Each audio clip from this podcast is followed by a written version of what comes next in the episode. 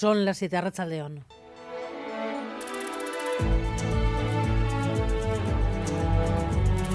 Gambara con Arancha García.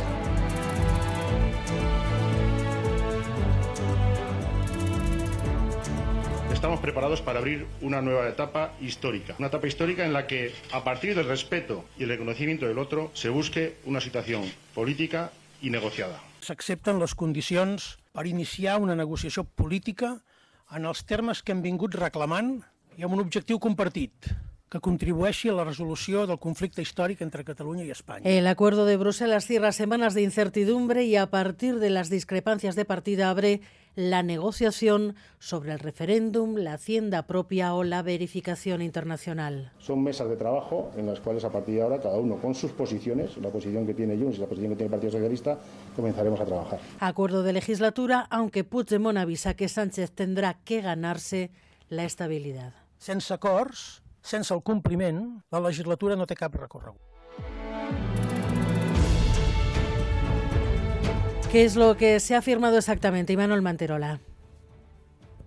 Se hablará de referéndum y de la cesión del 100% de todos los impuestos que se pagan en Cataluña. Junts podrá plantear, entre otros, estos temas en una negociación que va a comenzar ya este mes de noviembre, con el objetivo de resolver el conflicto histórico con Cataluña, tal como reza el acuerdo, a través de un mecanismo, se dice, internacional. Lo cierto es que en el acuerdo, más que de puntos en común, se habla de diferencias entre PSOE y Junts, pero ambas partes apuestan por iniciar un camino de acuerdos y dos asuntos sobre la ley de amnistía, una amplia aplicación a los procesos desde antes de 2014, incluidos los que se puedan interpretar como casos de abuso judicial. PSOE y Junts desbrozan así la investidura, aunque continúa abierta la negociación con el PNV. De momento, en este apartado, silencio total, ni una señal.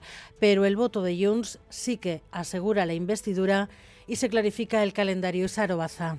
La intención es registrar ahora la ley de amnistía a principios de la semana que viene y, por tanto, lo más seguro es que el pleno de investidura se fije para mediados de semana, probablemente el próximo miércoles y jueves 15 y 16 de noviembre. Esa es la fecha que sobrevuela ahora mismo, aunque desde el PSOE no la confirman ni la desmienten. Saldremos de dudas en cuanto la presidenta de la Cámara convoque el pleno. Francina Armengol podría anunciar la fecha mañana mismo o, de lo contrario, ya el próximo lunes. El Partido Popular, que lleva semanas hablando de golpe de Estado, hoy habla de humillación y Núñez Feijó pide una respuesta global.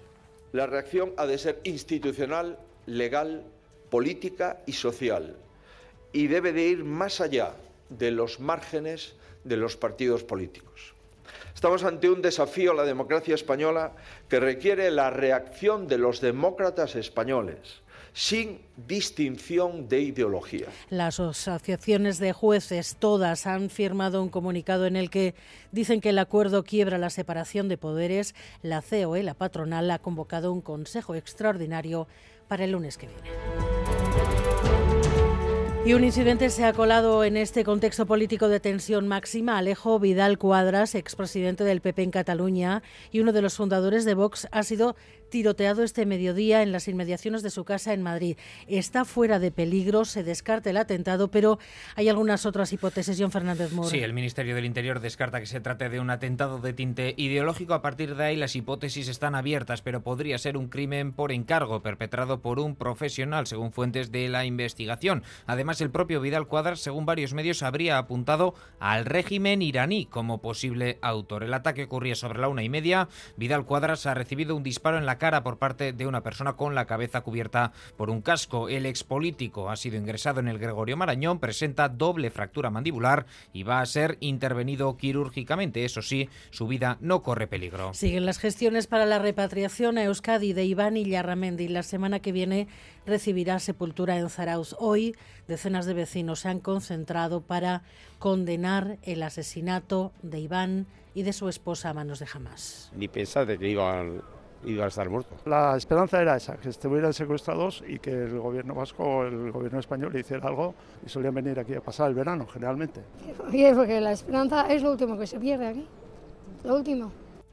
Y en Donostia, tras la batalla campal ayer tarde en la previa del Real Sociedad Benfica y el lanzamiento de bengalas en el campo sobre las gradas llenas de aficionados, hoy la condena generalizada, empezando por el alcalde Neco Goya. Nuestra más firme condena es lamentable y muy triste el tener que ver estampas como las que vimos ayer en el contexto de un partido que era una fiesta. Pues eh, el resultado y el partido fue una maravilla, pero pues hoy tenemos que hablar lamentablemente también de esos incidentes que fueron, como digo, vergonzosos. Me uno a ese mensaje que ha lanzado el presidente de la Real Sociedad de actuar hasta las últimas consecuencias ante los responsables de esos incidentes.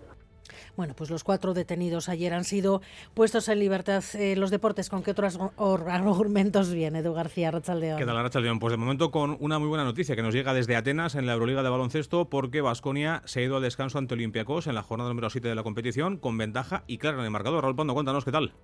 Edu, ¿qué tal? Eh, partido en tiempo de descanso, en efecto, en el Pireo. Gana el Vasconia después de una espectacular reacción en el segundo cuarto. Perdía hasta por 11 en el eh, primero. Ha ido al descanso largo, 15 arriba. Moneque con 11 puntos es el máximo anotador de la Vasconia. Tiempo de descanso en el eh, Pireo, 35 Olimpiacos, 50 Vasconia. Y más cosas para esta tarde-noche de jueves. En menos de una hora, partido de Copa de la Reina de Fútbol entre Granada y Athletic, buscando el conjunto rojiblanco el pase a octavos de final. Y cita importante en Artalecu con la Liga Sobal de Balonmano. Se juega la octava jornada, 8 y media, entre Vidasoa, y O lo que es mismo el segundo y el tercero.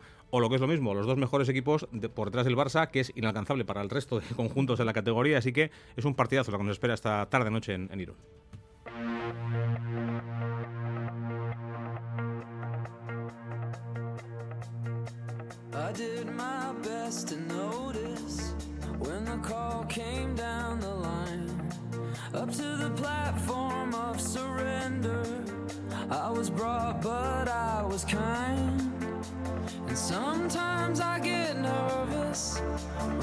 El gobierno navarro ofrecerá un servicio de justicia restaurativa a las víctimas de abusos en el seno de la Iglesia, algo que algunas diócesis ya venían haciendo, pero ahora por primera vez se ofrecerá como servicio público. La Iglesia navarra ve con recelo la iniciativa y dice que analizará si colabora o no. Xavier Madariaga.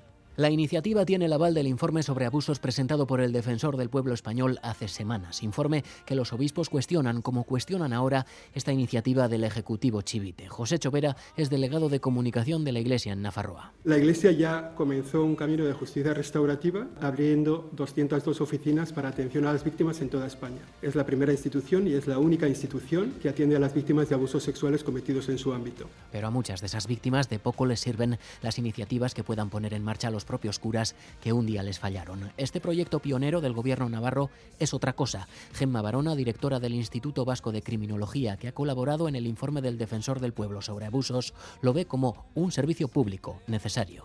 Lo que ha hecho la Iglesia no es un servicio público, no hay una igualdad de acceso para todas las personas ni tampoco puede garantizar esa independencia, ¿no?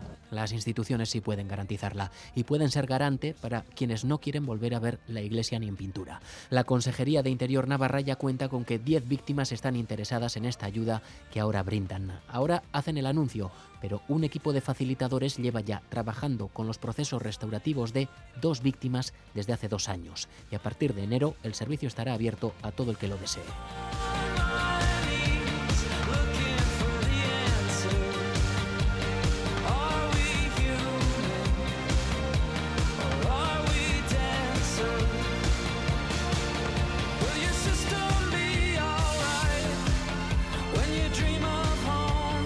Miguel Ortiz y Arancha Prado están en la dirección técnica, Cristina Vázquez en la producción.